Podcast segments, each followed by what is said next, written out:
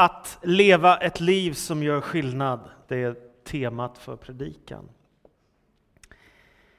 Det är många röster i vår värld som vill ha din och min uppmärksamhet, eller hur?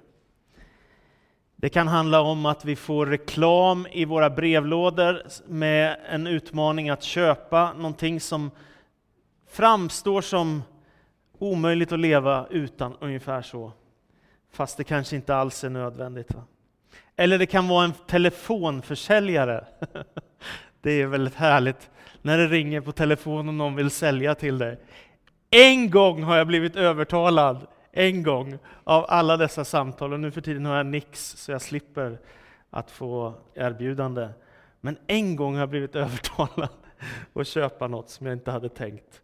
Det är märkligt va? Eller det kan vara ett parti som önskar att du ger deras att du ger din röst till dem, eller en organisation som vill ha ditt engagemang.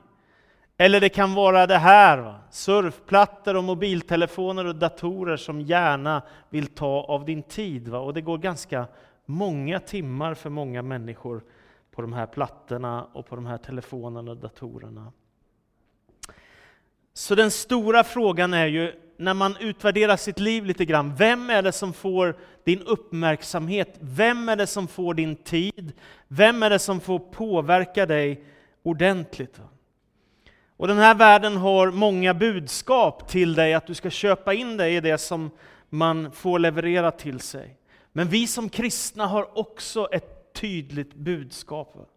Och det kristna budskapet är fantastiskt att vi är omslutna av den Gud som har skapat världen, att han bryr sig om dig och mig, att han älskar oss, att han vill oss väl och att det finns ett hopp för evigheten. Gud har så mycket av glädje att ge oss.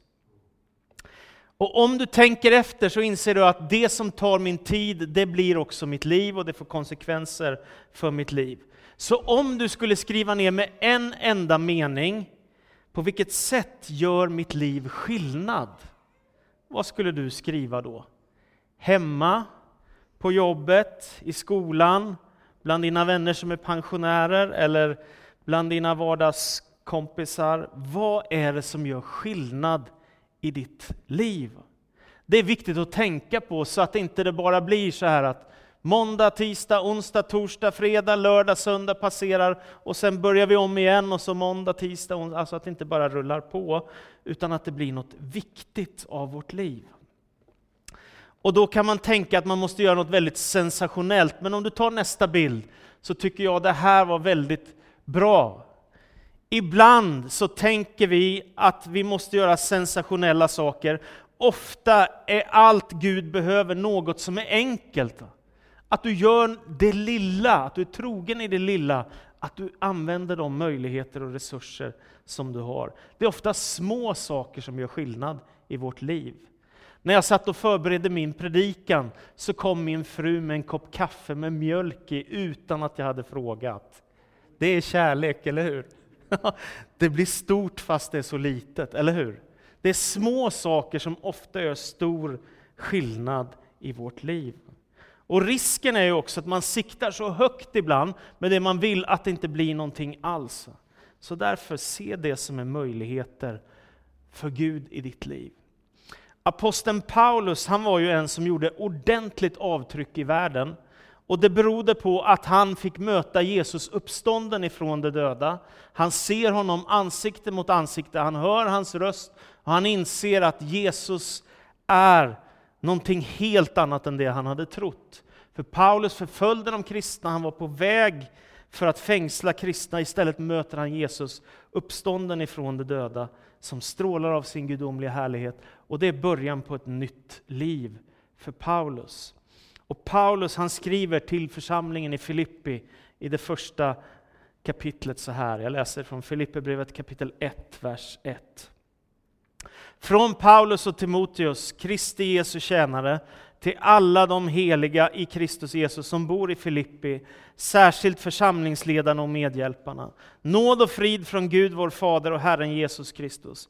Jag tackar min Gud var gång jag tänker på er, alltid i alla mina böner, för er alla, och det är med glädje jag ber för er.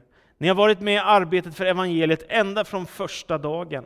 Och jag är övertygad om att han som har börjat ett gott verk hos er också ska fullborda det till Kristi Jesu dag.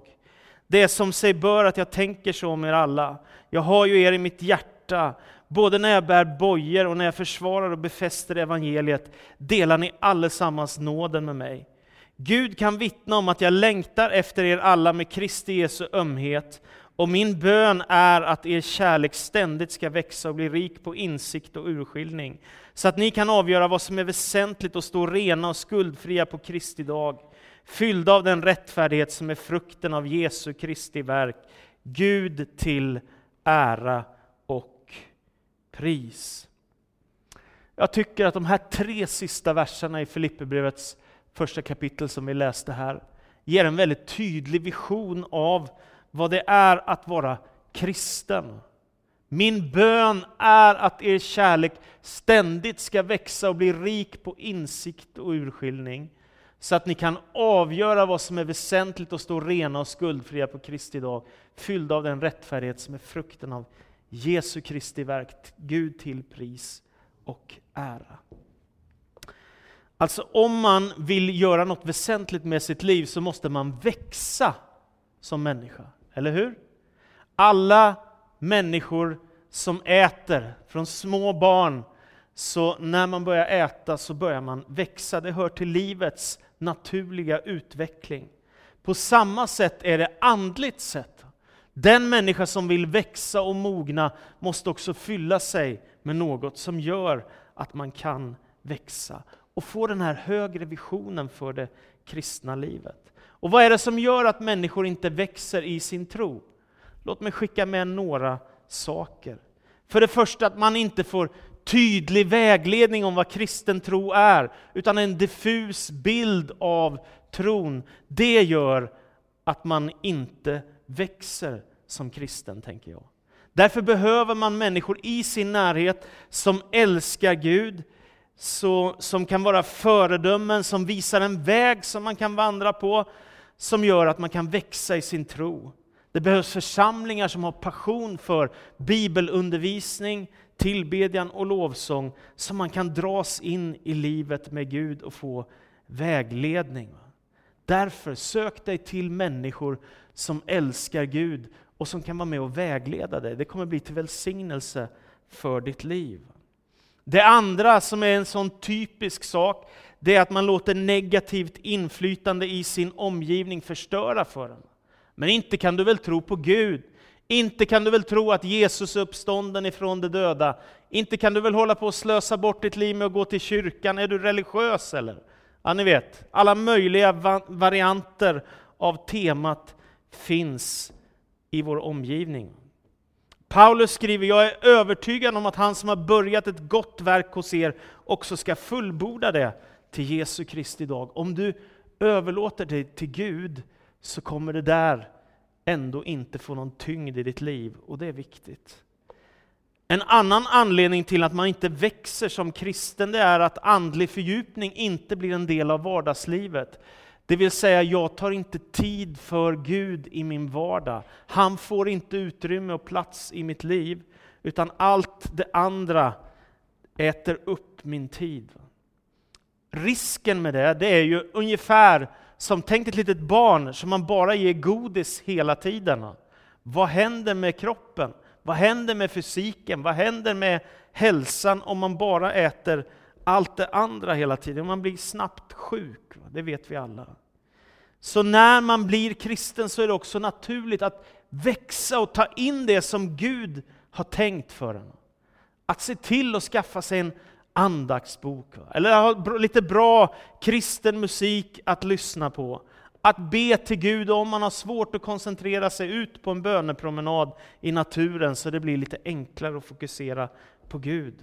Eller att öppna din bibel och läsa en psalm ifrån Saltaren eller en evangelietext eller något som gör att det här inre livet med Gud gror. Om kärleken ska växa, om relationen med Gud ska växa, så måste du få in det där på ett eller annat sätt i ditt liv. Ytterligare en anledning är att man låter missmod förstöra för sig. De säger ju en bit västerut, va? det går aldrig, säger de. Eller hur? Har ni hört det? Det går aldrig. Va? Att man tänker det är omöjligt. Va? Och jag har stått i Filippi, precis där den här församlingen en gång fanns, där Paulus var och predikade evangeliet. Och jag har sett det här samhället, det finns ganska mycket ruiner kvar där idag som man kan se.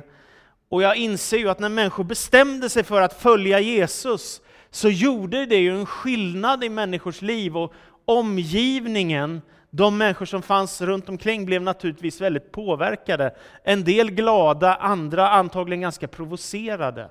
Eftersom det här var inte något jättesamhälle, utan det var ett litet samhälle där människor tog ställning för Jesus. Och det är klart att det påverkade hela omgivningen. Det blev stora, stora frågor. Och då blev det en del oenighet, det blev en del konflikter.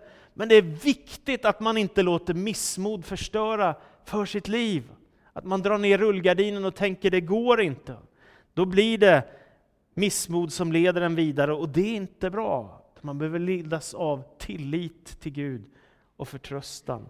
Eller att man kompromissar med det som man egentligen tror. Va? Är det någon som har försökt ta en genväg någon gång? Och när man väl liksom var på vägen så inser man det här var inte bra. Eller det här blev ingen genväg. Är det någon som har gjort det eller är det bara jag? Ungefär så är det med livet också tror jag. Om man vill ta genvägar, kompromissa med sina övertygelser eller snuddar liksom hörnerna eller slipa av hörnerna för att det ska bli lite enklare, så är det alltid risk att jag pajar för mig själv, att jag förstör för mig själv. Paulus skriver det viktigt att kunna avgöra vad som är väsentligt. Va? Vad som verkligen är viktigt, att inte kompromissa bort det som du tror. Va? Utan att älska Gud och låta det få konsekvenser. Så låt inte frestelse förstöra i ditt liv, va? det blir ingen god eftersmak. Så vad gör jag då om jag vill växa istället? Om jag inte vill stanna upp i min tillväxt som kristen, vad gör jag då? Jo, jag tänker att det är väldigt viktigt med vilken inställning man har till sin tro. Jag hör människor ibland säga så här, ja, men jag växte i början av min tro, men nu har jag liksom bara låtit det, nu går tiden. Eller, jag har gjort mitt, det har jag också hört många gånger. Och tänka, om du har gjort ditt, vad ska du göra resten av livet då? Alltså är det verkligen färdigt bara för att du har levt ett tag? Har du verkligen gjort ditt? Är det inte så att Gud har en tanke för hela ditt liv? Allt, alla dina dagar. Ska du leva meningsfullt och ditt kristna liv ska bära frukt, så kan det ju väl inte bara handla om dig själv och dina närmaste, utan det måste väl vara större än så. Så hur växer jag? Jo, jag tänker att du växer när du förstår att du är älskad av Gud. Det är grunden för allt. Där måste man börja. Om man börjar någon annanstans, till exempel bud och lagar, vad du får göra eller inte göra, då kommer du inte få en stark gudsrelation, utan det blir väldigt bräckligt det du går in i. Men om du börjar med att bygga i kärlek till Gud, då kommer det att bli välsignelse. Jag läste i min andaktsbok så här.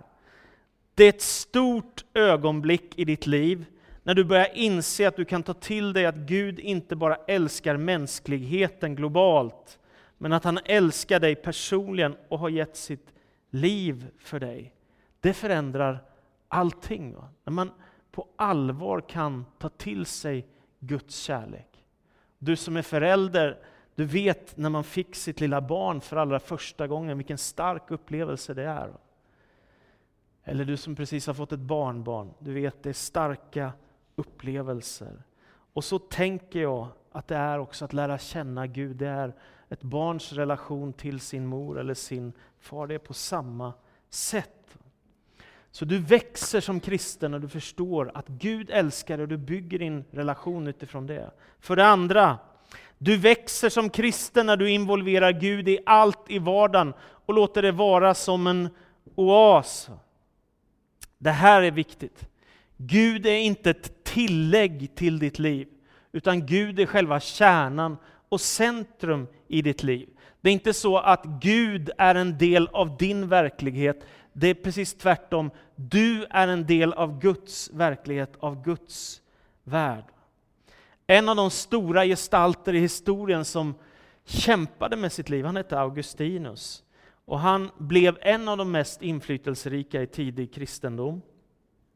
Men innan han levde sitt liv för Gud så levde han ganska destruktivt och ganska mycket elände i sitt liv. Men sen möter han Gud och han omvänder sig. Och då skriver han så här. För sent kom jag att älska dig. Du var hos mig, men jag var inte hos dig. Allt det sköna drog bort mig från dig. Det som inte funnits som det inte hade funnits i dig. Du kallade mig, du ropade, du genombröt min dövhet och jag fick smaka din godhet. Och nu hungrar och törstar jag. Du rörde vid mig och jag upptändes av din frid. Så här är mitt råd till dig. Involvera Gud i precis allt du håller på med. Och då menar jag inte att du ska gå och bli en sån här överandlig människa som måste säga Jesus i varannan mening. Det är inte det jag menar. Jag menar bara, låt Gud få vara centrum och kärnan i ditt liv. Låt honom få påverka allt det du är och det du gör, dina beslut, det du lever för. Det är viktigt. Att få tänka så här när morgonen kommer. Tack gode Gud för en ny dag som du ger mig, som jag får leva en dag till. Va? Eller när dagen går mot sitt slut, tack Gud för alla människor jag fått möta. Tack för det goda som du har gjort i mitt liv. Paulus skriver, jag tackar Gud var gång jag tänker på er. Alltså att få vara tacksam till Gud och leva för hans ära. För det tredje, du växer som kristen när du börjar älska andra människor. Att bli en människa med ett stort hjärta, att vara generös, öppna sig för andra människor, det hör till livets allra största glädjeämne och kanske några av de största utmaningarna. Det är väldigt enkelt att hitta fel hos andra människor. Det är väldigt enkelt att se begränsningar. Det är väldigt enkelt att konstatera, jaha, så är han, så är hon. Eller hur? Det är väldigt enkelt. Och det är inget man behöver vara geni för att göra. Men det finns inget gott att hämta där. Är ni med? Vad människor har för brister. Vad är poängen med att gräva där? Och jag brukar tänka så här, om du tycker att alla andra människor är så jobbiga, så fundera på hur det skulle vara att vara gift med dig själv. det skulle väl vara sådär, eller hur? Om du skulle leva ditt liv med en till som var exakt som du. Det är en spännande tankeutmaning tycker jag. Alltså därför, var barmhärtig, var generös, öppna ditt hjärta, älska andra människor så kommer du märka att det blir till glädje och välsignelse för dig.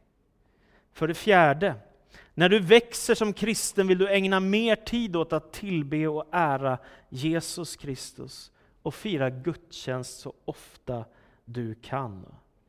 Om man ska vara ärlig så är väl detta ett elände i Sverige, att det är svårt att fira gudstjänst en gång i veckan. Är inte det lite?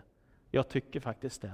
Jag har en pastorskollega, han kom från Österrike och han sa jag var chockad när jag kom till Sverige att människor i Sverige, de går inte i kyrkan särskilt ofta. Är ni med? Alltså han, det var en överraskning för honom. Han, levt, han kom från Sverige, en av mina vänner, men han har levt 12 år i Österrike och där var det självklart, det är klart vi går till kyrkan. Det hör till vårt liv. Alltså det där tänker jag, det är något som inte är bra. Charles Stanley, han lyssnade jag på, han är pastor i Atlanta i USA.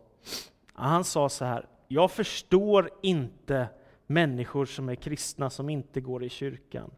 När jag frågar varför går du inte till kyrkan, då får jag svaret jag kan leva utan kyrkan. Då svarar jag okej, okay, hur går det med ditt böneliv, din bibelläsning, din evangelisation eller mission? Hur går det med ditt givande? Växer du som kristen? Och framförallt, tror du att det är Guds vilja? Alltså är ni med? Är det detta liksom att ja, men jag kan göra lite grann någon gång när det behövs? Liksom? Är det verkligen det Gud tänkte för ditt och mitt liv? Är det inte självklart egentligen, ända från skapelseberättelsen, att när det är sabbat, då möts vi för att fira gudstjänst. Då ärar vi Jesus Kristus. Om vi tror att Jesus är enda vägen till Gud, om vi tror att Jesus Kristus är världens enda frälsare, är det då inte lite viktigt att fira gudstjänst? Att söka sig nära Jesus och tillbe honom och vilja dra med sig andra människor. Jag tänker att det är det. Och jag vill absolut inte döma någon. Jag bara skickar med det som en utmaning med våra prioriteringar. Jag är tokig i Jesus och kyrkan, så jag är, väl liksom, jag är där så mycket jag bara kan. Nummer fem. När du växer som kristen så inser du hur viktigt det är att vara med och bygga församlingen och ge av dina tillgångar. Och här är också något i Sverige som jag tänker har gått fel. Att så många människor tillhör kyrkor utan att vara med och bygga, utan att vara med och ge, utan att vara med och engagera sig och ge av sitt hjärta. Vi lever i ett av världens mest sekulariserade länder. Och då tänker jag, man måste som kristen tänka, jag ska sätta axeln till, jag ska göra allt jag kan för att Guds rike ska spridas i vårt land. Vad händer annars? Annars kommer kyrkan bli jättesvag. Va? Annars kommer kyrkan bara liksom stappla fram, eller hur? Därför är det viktigt att vara med och bygga, det är viktigt att vara med och överlåta sig, det är viktigt att ge av sina tillgångar. Att fatta beslut, jag vill vara med och ge av de resurser som Gud har gett mig, så att församlingen kan bli starkare. När du växer som kristen för det sjätte, så inser du hur viktigt det är att använda dina gåvor i Guds tjänst, både i ditt vardagsliv och i församlingen. Det som Gud har gett dig kan bli till så stor välsignelse för andra människor. Det kan vara enkla saker som att be för någon. Det kan vara enkla saker som att ge något till någon som behöver lite uppmuntran och stöttning i livet just nu. Varje gång jag ser det här i människors liv hända på riktigt, så blir jag så fascinerad när människor dras emot Gud. Jag kommer ihåg Camilla, en tjej som kom helt utifrån, Hon hade inte haft något med Gud och kyrka och Jesus att göra. Och helt plötsligt så lärde hon känna kristna ungdomar och började dras mot Gud. Och så helt plötsligt så bestämde hon sig för att bli kristen. Hon bestämde sig för att bli döpt. Och jag glömmer aldrig första gången jag såg när hon stod i tillbedjan och lovsjöng Jesus Kristus. Fångad, tagen av Jesus. Det är något som jag älskar att se. Och jag sörjer så mycket i Sverige att det här inte är viktigare för fler människor. Att man lika gärna kan göra något annat. Det är en sorg i mitt liv och jag hoppas att fler människor ska upptäcka hur stor Jesus är, hur viktig han är. Till sist, William Booth, han grundade Frälsningsarmén i London. Han berörde mängder av människor med evangeliet om Jesus Kristus. Och han hade ett stort hjärta för att hjälpa sargade och utslagna människor. Och han sa så här i sitt sista tal som gammal man i Robert, Royal Albert Hall i London. Blodet kokar i mina ådror och så länge kvinnor fortsätter att gråta som de nu gör ska jag kämpa. Så länge barn svälter som nu ska jag kämpa. Så länge män sätts i fängelse ska jag kämpa. Så länge det finns en enda själ som lever i mörker utan Guds ljus ska jag kämpa. Jag ska kämpa till slutet. Så jag tänker, vill du leva ett liv som gör skillnad i andra människors liv? Då behöver man vara lite passionerad, tänd av en eld, brinnande i sitt hjärta och leva för Jesus. Det tänker jag inte är något tungt och svårt. Det är snarare underbart. Låt oss be. Tack Gud för din godhet och trofasthet. Tack för att du älskar oss. Tack för att vi får bli indragna i gemenskapen med dig. Och jag ber dig Herre att du skulle kalla på oss, knacka på våra hjärtan Herre. Jag längtar efter att se mer av din härlighet. Jag längtar att se mer av din helighet, mer av dig själv i våra liv, Herre.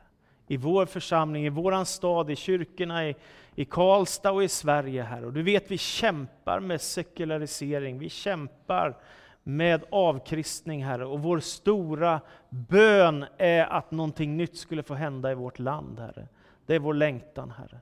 Tack för att du också ger oss en sån här underbar, solig vårdag så här tidigt på året, Herre. Och vi ber om välsignelse över var och en av oss, Herre. Kom med din heliga Andes kraft och närvaro.